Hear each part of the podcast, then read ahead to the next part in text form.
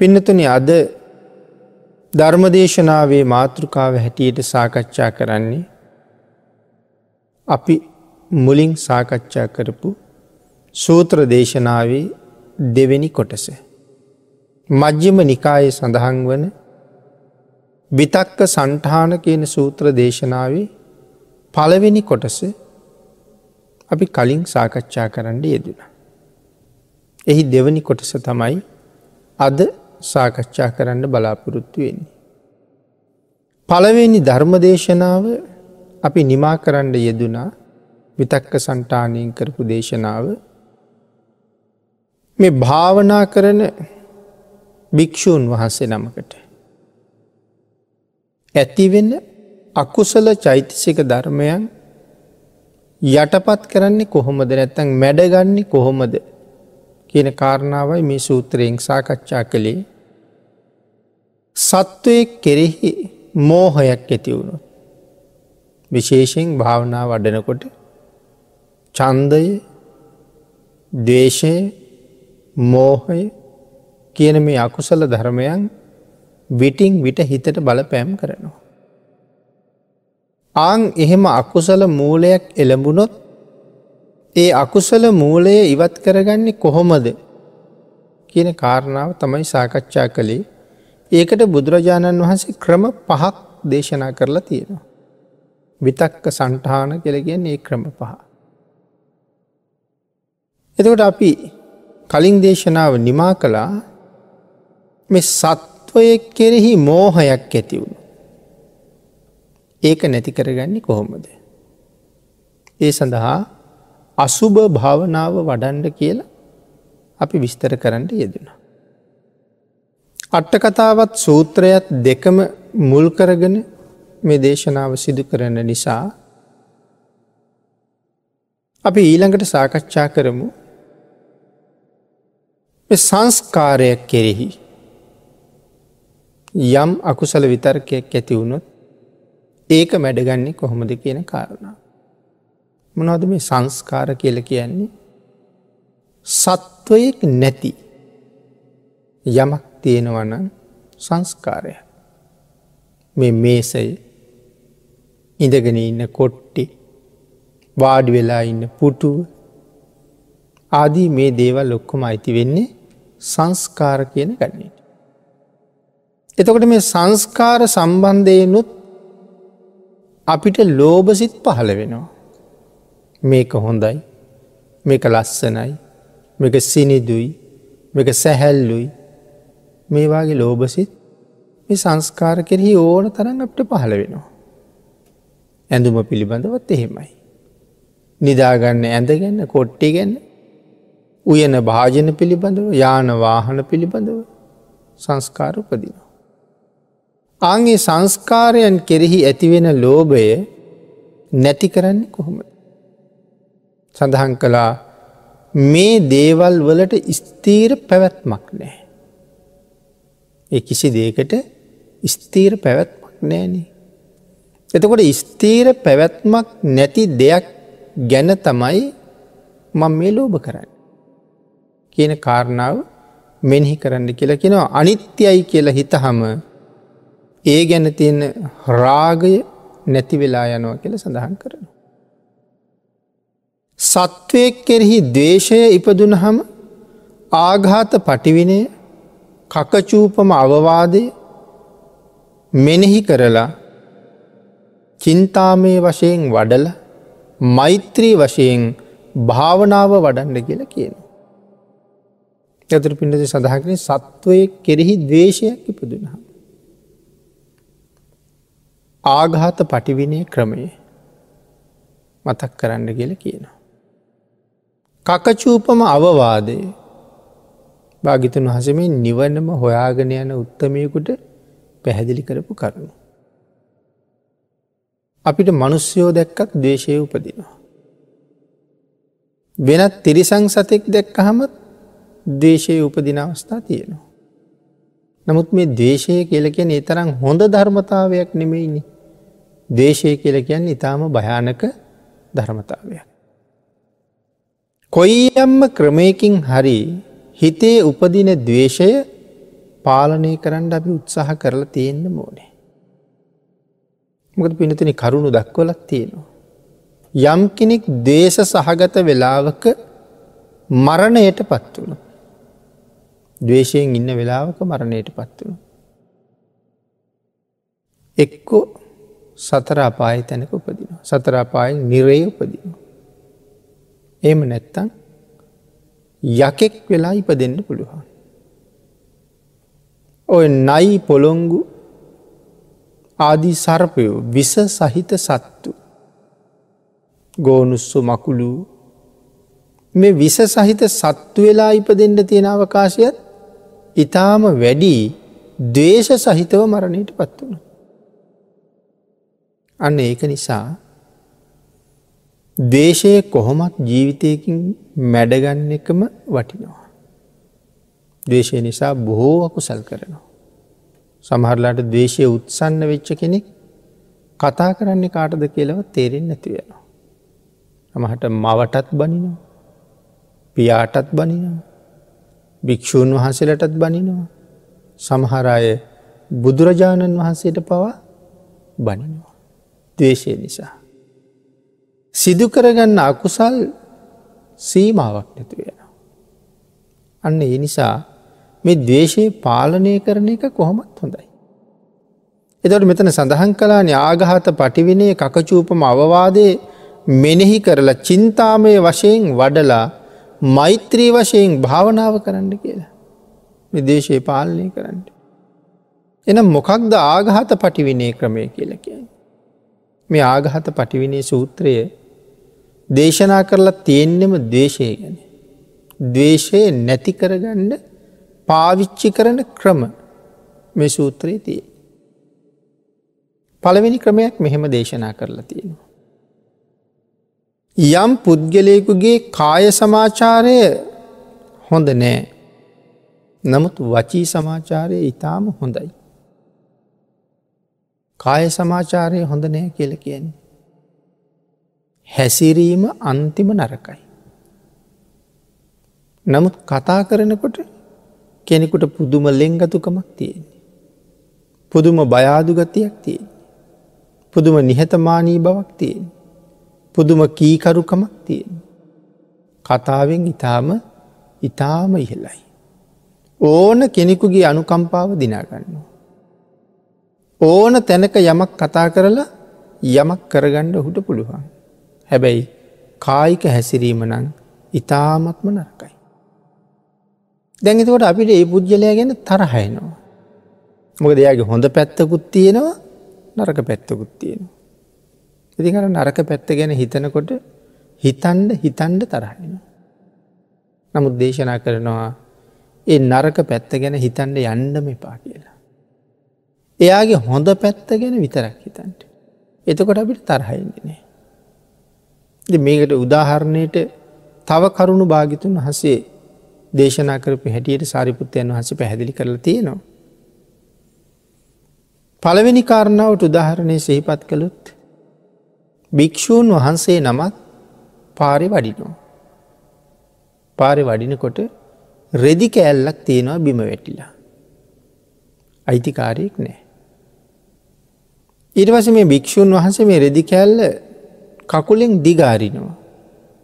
දිගෑරල බලහම රෙදි කෑල්ල එක පැත්තක් දිරලා හොඳ නෑ. නමුත් තව පැත්තත් හොඳයි. ඊට පශ ස්වාමීන් වහස කරන්නේ රෙදි කෑල්ල අරගෙන රෙදි කෑල්ල ඉරලා අර දිරාපු පැත්ත විසි කරනවා. හොඳ කෑල්ල අරගෙන යනවා සිවුරක් මහන වෙලාවක මහගන්න එකතු කරගන්නට. එතොට නරක කෑල්ල විසි කළා. ආං ඒ වගේ කාය සමාචාරය හොඳ නැති. වචී සමාචාරය හොඳ පුද්ගලයෙක් මුණ ගැහුණ හම අර ස්වාමීන් වහස රෙදි කෑල්ලි දිරාපු කොටස විසි කලා වගේ ඔහුගේ කාය සමාචාරයේ පැත්ත ගැන කල්පනා කරන්න නැතුව වචී සමාචාරය ගැන කල්පනා කරනවා. කල්පනා කරලා ඔහු කෙරෙහි උපදින්න තියෙන දවේශ සිත මැඩගණ්ඩ කියලා දේශනා කළා ඒ දේශයේ මැඩගන්නේ කාට යහපතක්කු දෙසාද තමන්ට යහපතක්කු දෙසා. දෙවනි කාරණාව පැහැදිලි කරනවා වචී සමාචාරය හොඳ නෑ කලින් කෙනගේ වචී සමාචාරය ඉතාම හොඳයි. ද මෙයාගේ වචී සමාචාරය හොඳ නෑ. කතා කරන්නේ කාටද කතා කරන්නේ කවුරු එක්කද කියන කාරණාවල් එකක්වත් මෙයට වැටහෙන්න නිසා කුසල්ම කරගන්නවා. නමුත් කාය සමාචාරය හොඳයි. තැනක හැසිරෙන්ඩ ගෞරවය ආරක්ෂා කරගන්න හොඳට දන්නවා. එතකොට ඒ හොඳ පැත්ත ගැන එයාගේ කල්පනා කරන්න කියලා කියනවා. තුන්ගනි පුද්ගලයෙක් ඉන්නවා කාය සමාචාරය හොඳත් නෑ වචී සමාචාරය හොඳත් නෑ නමුත් සමහර වෙලාවක ශ්‍රද්ධාව තියෙනවා. කයේ හැසිරීමයි වචනයයි දෙකම හොඳ නෑ. හැබැයි වෙලාවකට ශ්‍රද්ධාව තියෙනවා. වෙලාකට අපි දකින ඔහු ගිහිල්ල බනාහනවා. තව වෙලා අපි දකිනව බුදුන් වඳිනවා. තව වෙලාවක අපි දකිනවා භාවනා කරනවා. තව වෙලාවක ගිහිල්ල මල් නෙලනවා. මේ මේ වගේ හොඳ ගතිගුණ විටිං විට පේන්ඩ තියෙනවා. ඔහු කෙරෙහි දේශයක් ඇතිවෙනකොට අර ඔහුගෙන් දැකපු හොඳ ගතිගුණය මෙනෙහි කරලා ඔහු කෙරෙහි උපදින දේශසිත පාලනය කරගත්තුත් කාටද ලාභ තමන්ට ලාබයි. ඒ අනු නිසාන මේ අපායට යන්ට හදන්නේ.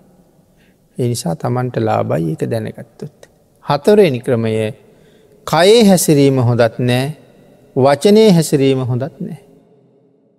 ශ්‍රද්ධාවත් නෑ විදර්ශනා වඩන්නෙත් නෑ බණහන්නෙත් නෑ සර්වාකාරයෙන්ම ඔහු ගැන්න පැහැදෙන්ඩ ක්‍රමයක් ඇත්තෙම නෑ.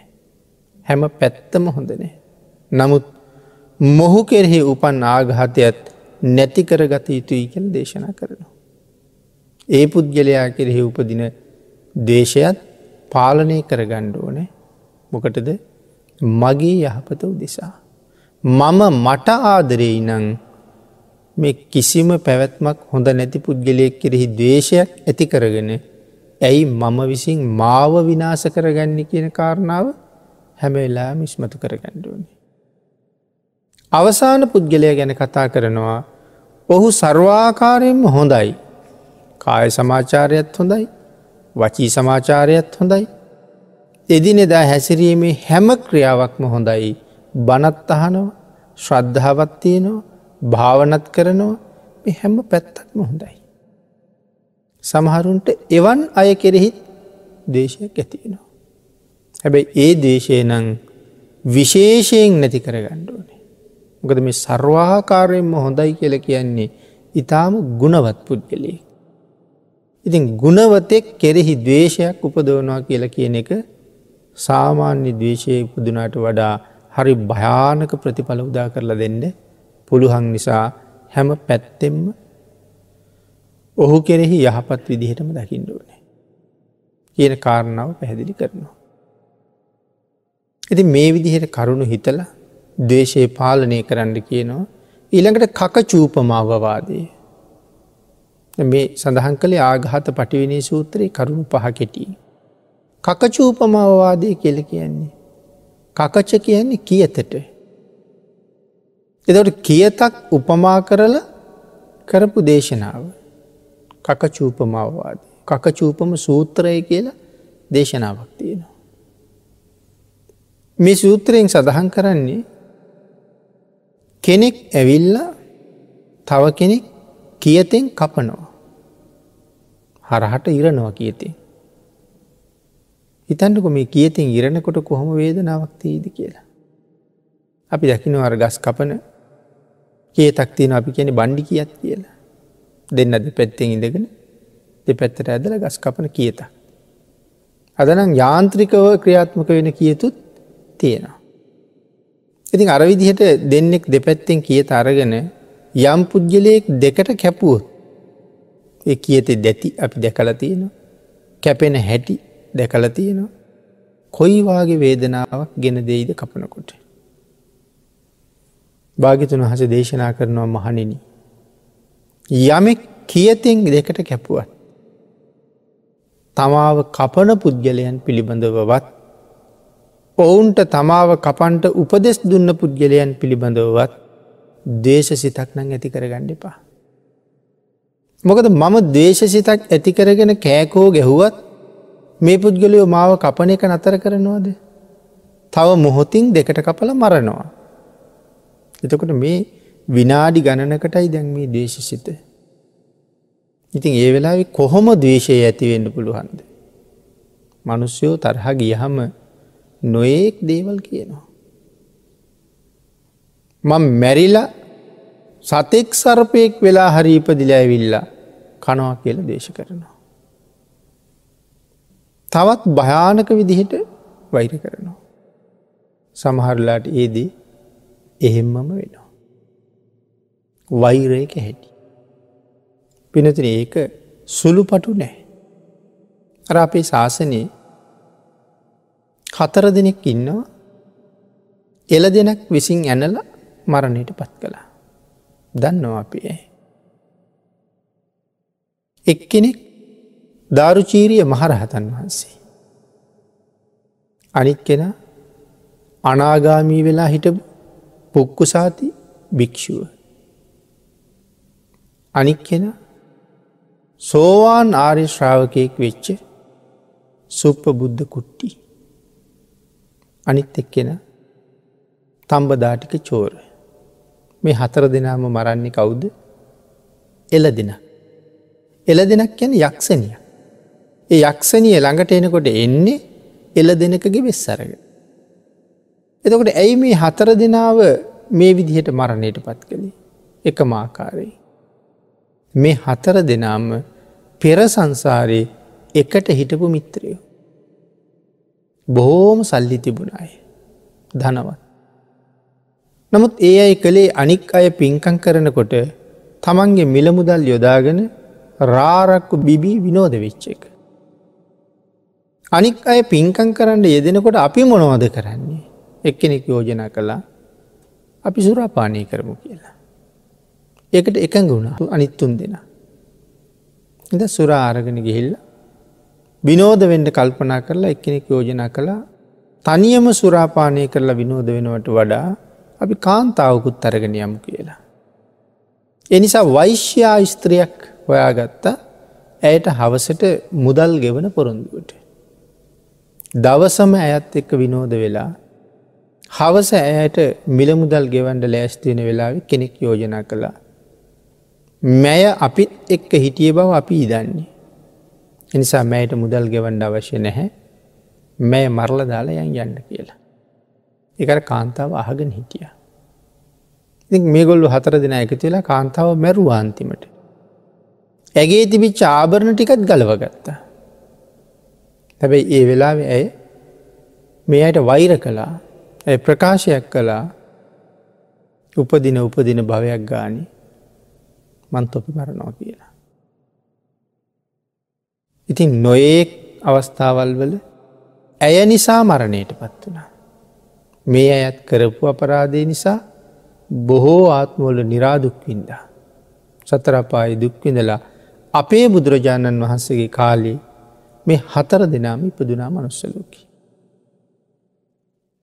එයින් එක්කෙනෙක් ධාරුචීරිය මහරහතන් වහන්සේ. දැන් බලන්නක පිඩතින වෛරය මේ දේශය කොච්චර භයානකද.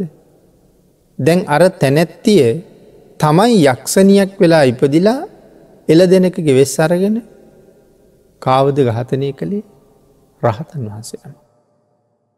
එදා වැරදි කලා වුණාට මෙදා රහතන් වහන්සෙනම. එතකොට ආනන්තරීය පාප කරමය. අනාගාමීන් වහස නමක් ගහතනය කරලා මහා භයානක කුසලයක් කරගත්. සෝවාන් වහන්සේ නමක් ගහතනය කරලා නැවත එවන්මා කුසලයක් කරගත්තා.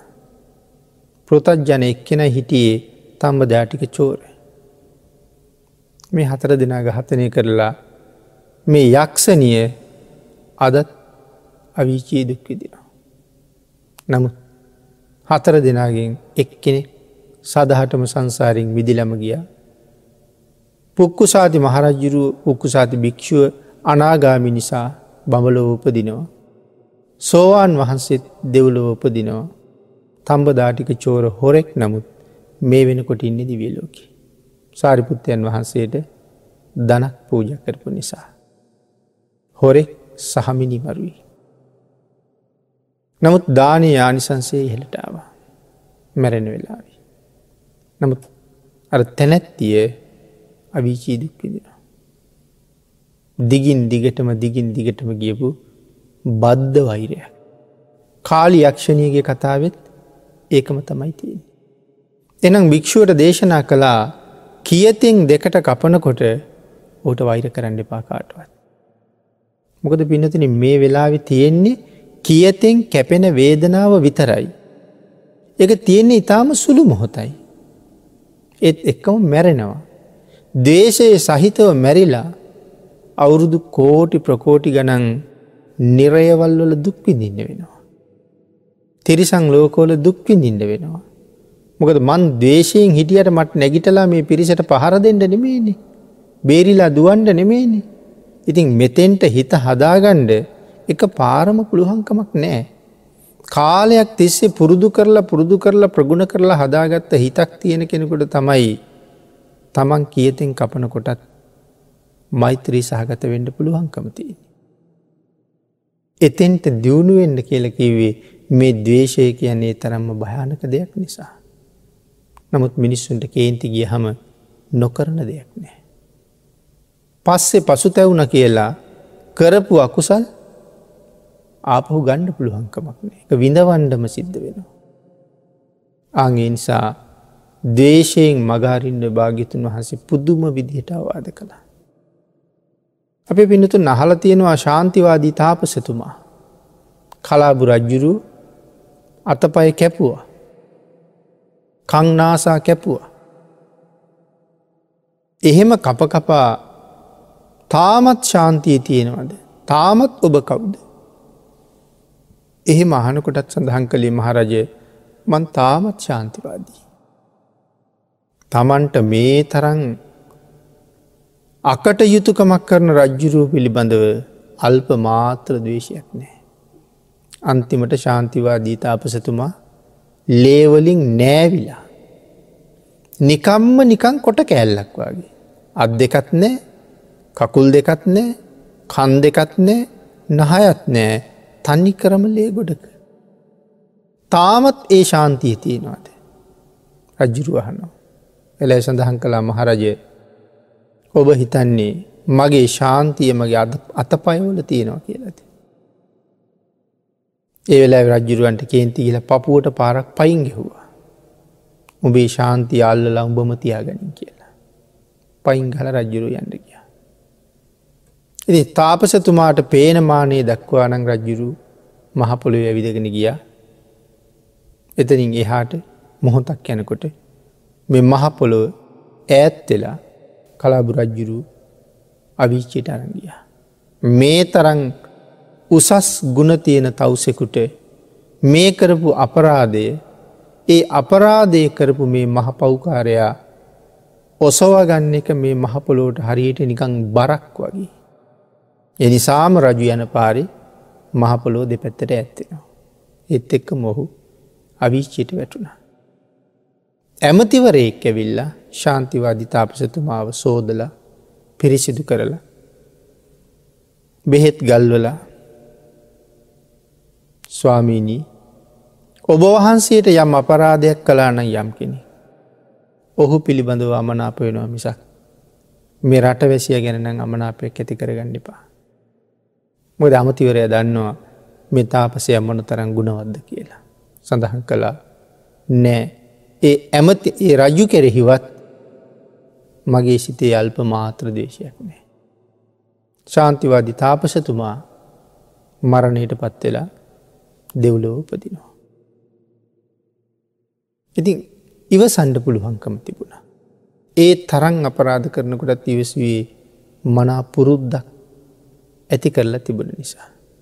ඒ වෙලා විද්වේශයක් තිබුන්නන් මැරිල ගිහිල්ල උපදින්නේ සතර මහා පායි. නමුත් මෛත්‍රයම තිබුණ නිසා මැරිච්ච ගම බබලු පත්තිය ලැබවා. එනිසා මේ කරුණු පැහැදිලි කරනකොට මේ දවේශය නැති කරගණ්ඩ මේ තරං අවවාද කරලා තියෙන්නේ බුදුරජාණන් වහන්සේ ඒ නිසා. නමුත් අපි තාම සුළු දේටත් කේන්ති අරගන්න. මුලාව නිසා. සමහලට පාර යන වෙන කෙනෙක් නිසා අපි කේන්ති ගන්නවා. පාර යන මිනිහෙක් වාහනයක හයියෙන් යනවා. අපි ඒ මිනිහටත් බලිනවා. තව කෙනෙක් ඉතා හෙමින් යනවා. එනිසා අපිට යන්ට පරක්කු අපි ඒ මිනිහටත් බනිනවා. කෙනෙක් හදිසියේ පාර පයිනවා. අපි ඒ මනුස්සයටත් බනිනවා. කෙනෙක් හදිසියේ පාරහරහ වාහනයක් හරවුණවා. අපි ඒ මනුස්සයටත් බනිනවා. නමුත් අර අරමනුසය මොකොවත්ම දන්නේ දන්නේ නැමෙහි කෑගහන්නෙත් අපි බනින්නෙත් අපි රත්වෙලා ඉන්නෙත් අපි දේශයත් අපි ගාව අර පුද්ගලය මුකුත් දන්නේ. අපි අපිටම මහා හානියක් කරගෙන. ඉවසීම ටිකක් ප්‍රගුණ කරලා නැතිහින්ද. ඉවසීමෙන් සැනසීම කියන වචනය ධර්මය තුළින් ඕන තරං හල තියෙනවා. ඒ නිසයි මෙච්චර අවවාද කරලා තියෙන්නේ මෙ දවේශ සිත පාලනය කරගන්න. ඉළඟට භාගිතුන් වහස දේශනා කරනවා ආඝාත පටිවිනය සූත්‍රවල විශේෂයෙන් අට්ට කතාව ඒ ඒ පුද්ගලයා කෙරෙහි උපන් ආඝාතය නැති කරලා මෛත්‍රී ධ්‍යානම වඩන්න කියලා. මොකද ධ්‍යාන මට්ටමේදී තමයි කියන්න පුළුවන් වෙන්නේ ආඝාතයේ සම්පූර්ණයම නැති කලා කියලා. මගේ හිතේ තියෙන දේශය මම දැන් සම්පූර්ණයම නැති කරලා ඉන්නේ කියල කියන්න පුළුවන් වෙන්නේ දිහාන මට්ටමට අවට පස්සේ. ඒම නැත්තන් අපට තාම දේශය මේ කියන තරම් නැති කරන්න බෑ. මෛත්‍රී භාවනාව ප්‍රගුණ කරනවා නමුත් දේශයේ සම්පූර්ණයෙන් නැති කරන්න අපිට තාම බෑ. ධ්‍යාන මට්ටමටාවට පසෙ තමයි මේ දේශයේ දැන් අපි පාලනය කලා නැති කලා කියන කාරණාව යම් ප්‍රමාණයකට හෝ දැනගණ්ඩ පුළුවන්කම තිය. ඊළඟට පින්නොත්තින මේ සංස්කාර ගැන සඳහන් කරනකොට නැවත පැහැදිලි කරනවා අපිට තරහයන හැටි. අපිගෙම කනුවක් තියෙනවා. අපි කනුව ළඟින් යනකොට අපි කකුල හැප්පෙනවා කනුවේ. සමහරලාට අපි කකුලි කුඩා ඇගිල් එහෙම බොහෝ දේවල් වල හැප්පෙනවා. ගේ ඇතුළේ ඇඳ කකුලෙත් හැප්පෙනවා. පුටු කකුලෙත් හැප්පෙනවා.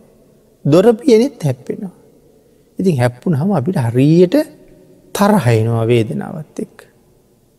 සමහරලාට කවුරුහරි මොකක් හරි බාණ්ඩයක් එලියට ඇදලා තමන්ගේ කාරණාව කරගෙන එක එතනම දාලගිහිල්ල. ඒක හැප්පිලා දෙකොට යකඩටත් බැනල නැතැන් හැප්පුන දේටත් බැනල එක්ක අල්ලලා විසි කරලා අපි අනික් අයටත් දොස් කියලා මහා කේන්තියකට පත්වෙනවා. නැතන් ඔය දුරකතන සමහරලාට ක්‍රියාත්මක වෙන්නේ. සමහරලාට හඬ ඇහෙන්නේ. සමහරලාට පැහැදිලි නෑ අපිට ඒ ගැනත් තරහ යනවා.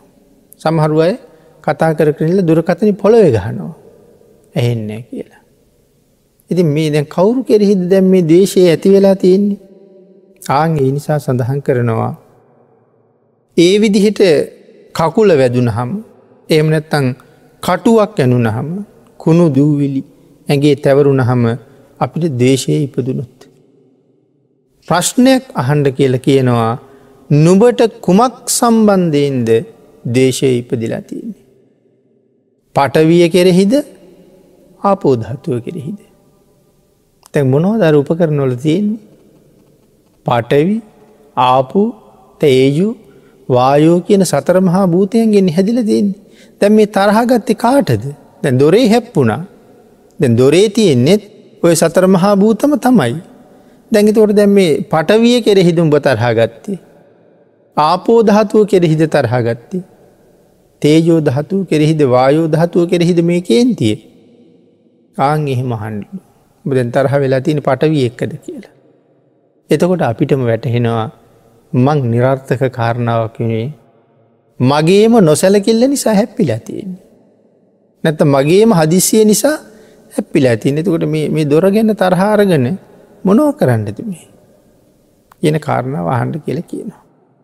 ධාතු මනසිකාරය කරලා ඒ උපන්නා වූ ආගහතය ඉවත් කරගණ්ඩ කියල කියනවා. ධාතු මනසිකාරය වඩන්ඩ කියල කියනවා. මෙතන තියෙන්නේ පටව්‍යාපූ තේජූ වායූ කියන මේ කාරණාටික විතරයි. මෝහය ඉපදුන හම කියනවා කාරණා පහක්. මෝහය ඇති වුණ හම කරුණු පහක් ඔස්සේ හිත මෙහෙවල ඒ මෝහය නැති කරගණ්ඩ උත්සාහ කරන්න. ගරු කළ හැකි භික්‍ෂුවක් ළඟ වාසය කිරීම. මෝහය නැති කරගන්න එක හේතුවක්. ගරු කරන්න පුළුවන් භික්‍ෂුවක් ළඟ වාසය කරන්න කියල කියනවා. මේක දැම මේ භික්‍ෂූන් වහන්සේලට නිදේශනා කරන්නේ. නමුත් මේක සියලු දෙනාටම ජීවිතයට සම්බන්ධ කරගන්න පුළුවන් කාරණාවක්. භික්‍ෂූන් වහන්සේලාට ආමන්ත්‍රණය කරලා දේශනා කරන්න. මොකද මේ ගරු කළ හැකි භික්ෂුවක් ළඟ වාසය කරන්න කියල කියන්නේ. මෝහය නැති කරගන්න. සඳහන් කරනවා ගමට වඩිනකොට කියන්නේ නැතුව වැඩියෝ. දැන් ආචාරය උපාධ්‍යයන් වහන්සේලත් වැඩඉන්න තවත් භික්‍ෂූන් වහන්සේලා වැඩඉන්න ආරාමයක වැඩඉන්න භික්‍ෂූන් වහන්සේ නමක් ගමනක් යන්න පිටත්වෙනවා. ඒ ආරාමය ඉන්න කාටවත්ම නොකියනං උන්වහන්සේ ආරාමයෙන් බැහැරට ගිය එක වරද. කාට හරි කියල යන්ඩුවනේ. එක ශාසනික නීතිය කාට හරි කියල යන්ඩෝන මං අහවල් දිහයි යන්නේ මම සමහට අද එන්නේ නැතිවෙයි. ඇතම් මෙච්චර විතර වෙලාවක් යයි හවස් වෙයි කියන කාරණාව දැනුවත් කරලම යන්ඩුව නැත්තම් වරද. එන මෙතන සඳහන් කරනවා ආං එහෙම වඩින වෙලාවට කාටුවත් නොකයා වැඩියොත් වතක් කරන්ඩ යෙදන කල නොකර හිටියෝ. එහෙම නොකිය වඩින එකත් හොඳනෑ. තමන්ට වත් පිළිවෙත් කරන්න තියෙනකොට ඒවත සම්පූර්ණ නොකර ඉන්න එකත් හොඳ නෑ. විශේෂයෙන් භික්‍ෂූන් වහන්සේලට භාගිතුන් වහසේ දේශනා කරපු වත් පිළිවිත්තියෙනවා. චුල්ල වග්ග මහාවග්ග පාලී ඒ වත ගැන විශේෂයෙන් සඳහන් කරලා තියෙනවා. වත සම්පූර්ණ කරන්න මෝන පින්නතුනි. වත්තන් න පරිපූරෙන්ති න සීලං පරිපූරති. යමෙකුගේ වත සම්පූර්ණ නැත්තං ඔහුගේ සිලුත් සම්පූර්ණ නෑ. යම් කෙනෙක් භාවනා කරන්නම උත්සාහ කරනවා. නමුත් වත කරන්නේ. භාවනා කරන්න උත්සාහ කරනවා. භාවනාවේ ලොකු දියුණුවක් කම්බවෙන්නේ හම්බෙන්නේ නෑ. හේතුව වත සම්පූර්ණ නැතිහින්දා. ආදි බ්‍රහ්මචරියක සීලයයි ආබී සමාචාරික සීලයයි කියලා දෙකක් පැහැදිලි කරනවා. මේ දෙකම මනාව සම්පූර්ණ කරන්න ඕනේ. සීලයත් අවශ්‍යයි වත පිළිවෙතත් අවශ්‍යයි එතකොට තමයි භාවනාවේ දියුණුවක්තියෙන්. ඒකයි මෙතන සඳහන් කරන්නේ වතක් කරන්න යෙදන කල නොකර හිටියොත් ආචාරයන් වහන්සේලා දඩුවන් කර්මවලට ලක් කරනවා කියල සඳහන් කරනවා. ඉඩස ආචාරයන් වහන්සේල දඩුවන් කරනවා අයට. ඇයි ගමට යනකොට කියල ගිහිල්ලනෑ නිසිවත කරලනෑ. එතකට දඩුවන් කරනවා. සමහරලට මොනවාගේ දඩුවන් පහරදින වනිමේ දඩුවන් කරනවා කියල කියන්නේ. ආචාරයන් වහන්සේ සඳහන් කළොත් වතුර කලගෙඩි සීයක් ගෙනල්ලා මේ බැරැල්ල එක පුරුවන්. ඇත වතුර කලගෙඩි සීයක් ඇදල මෙතින්ට දාට එක තමයි දඩුවම. ඇතන් වැලිබාල්දි මෙච්චර ප්‍රමාණයක් ගෙන් හිල්ල බෝමලුවට දාන්න. එහමතන් සතියක් එක දිගට තනියම මළුව අමදින්ට. මේවාගේ ආචාරයන් වහසේ පනවන දඩුවක් තියෙනවා. ආන්ගේ දඩුවමට යටත් වෙනවා. නමුත් ඉතාම ගරු කටයුතු ආචාරවරයෙක් ඉන්නකොට වත් මගහරින්ට හිතෙන්නේ නෑ කියල සඳහන් කරනවා. ආචාර්යවරය ඉතාම ගරු කටයුතු කෙනෙ. ශිෂ්‍යයන්ට කවදාවත් වත මගාරින්ට හිතෙන්නේ නෑ කියලකිනවා. ආචාරිවරයා සම්බන්ධින් තියෙන ගෞරවය නිසා. මගහැරියොත් දඩුවන් ලැබෙනවා ඒ නිසාම ඒ වත කරන්න යෙදෙනවා කියල සඳහන් කරනවා එහෙම කටයුතු කරනකොට මෝහය නැති වෙනවා. මාන්‍යයකුත්වෙනවනි. නමුත් ආචාර්යවරයා නිසා මේ වත කරනවා. එතකට ඒ මාන්‍යය මෝහය නැතුව යනවා. මෙකතම පළවෙනි කාරණාව මෝහය නැති කරන කාරණා පහහි. දෙවනි කාරණාව සඳහන් කරනවා ආචාරයන් වහන්සේ කටපාඩම් ගන්නකොට හරියටම පාඩන් කරලා නොතිබුණුත් ඒත් දඩුවන් කරනවා. ශිෂ්‍යයන්ගෙන් කට පාඩන් අරගන්න පාඩන් කරන්න දීලා. ඒ පාඩංටික හරියට සම්පූර්ණ කරලා නැත්තං හරියටම උච්චාරණය කළේ නැත්තං දඩුවන් ලැබෙනවා. ආංගේ දඩුවන් ලැබෙන නිසා හරියටම කරන්ඩ යෙදුන කෙනාගේ මෝහය නැතිනවා. ගුරුවරය දඩුවන් කරයි කියලා හරියටම පාඩන්තිනවා. එමනතන් හරියටම තමන්ගේ කාරණාව කරන්න සූදාන වෙනවා. ඒ පුද්ගලයාගේ මෝහය නැතුව යනවා කියලා දේශනා කළා. ඊළඟට තමන් උගත් දේ ගැන ප්‍රශ්න අහලා සැක දුරුකර ගන්න කොටත් මෝහය නැතු යනවා. කෙනෙක් යමක් ඉගෙන ගත්තහම තමන්ට තනියම ඒක විනිශ්චය කරන්න බැරුව යනවා. මම හිතාගෙන ඉන්න අර්ථය නෙමෙයි වෙන්ඩ පුළුවන් ඒ වචනය හැබෑම අර්ථය. ඒ නිසා ආචාරවරය ළඟට ගෙල්ලා ප්‍රශ්නාහන්ඩුවනේ මේක කොහොමද මේක මෙහෙම වෙන්නේ කොහොමද එහෙම උනහම මේ විදිහට වෙනස් වෙන්නේ කොහොමද ප්‍රශ්නහන්ඩුවනේ. ආං එහෙම ප්‍රශ්න අහලා තමන් දැනගත්ත කාරණාව හරියටම දැනගන්න එක. මෝහය නැති කරගණ්ඩ හේතුවෙන තවත් කාරණාවක් හැටියට පැහැදිලි කරනවා. ඊළකට පිනතින හතරවෙනි කාරණාව පැහැදිලි කරනවා කාලෙන් කාල්ට ධර්මශ්‍රවණය කරන ස්ථානයට ගිහිල්ලා සකසලා ධර්මය අහනකොටත් ඒ ස්ථානයේ පිළිබඳව අර්ථ ප්‍රකට වෙනකොටත් ඒ නිසා ඒ සම්බන්ධයෙන් තියෙන මෝහය ප්‍රහීණ වෙනවා. හොඳට බනාහනවා. බනාහනකොට සමහර ධර්මකාරණා සම්බන්ධයෙන් තමන්ට දිවිච්ච ගැටලු විසඳෙනවා. කලින් දේශනාවෙන් ඇති වුණානං ගැටලුවක් සමහරලාට ආයදවසක බණහනකොට ඒ ගැටලුවට උත්තරේ හම්බවෙනවා. කංකං විතරති. බණ ඇහීමේ ආනිසංසවල එකක්. සැක දුරුවෙනවා. එන එතකොට මෝහය දුරුවෙනවා මෝහය දුරු කිරීම එක හේතුවක් හොඳට සකසලා ධර්මශ්‍රවණය කරන එක.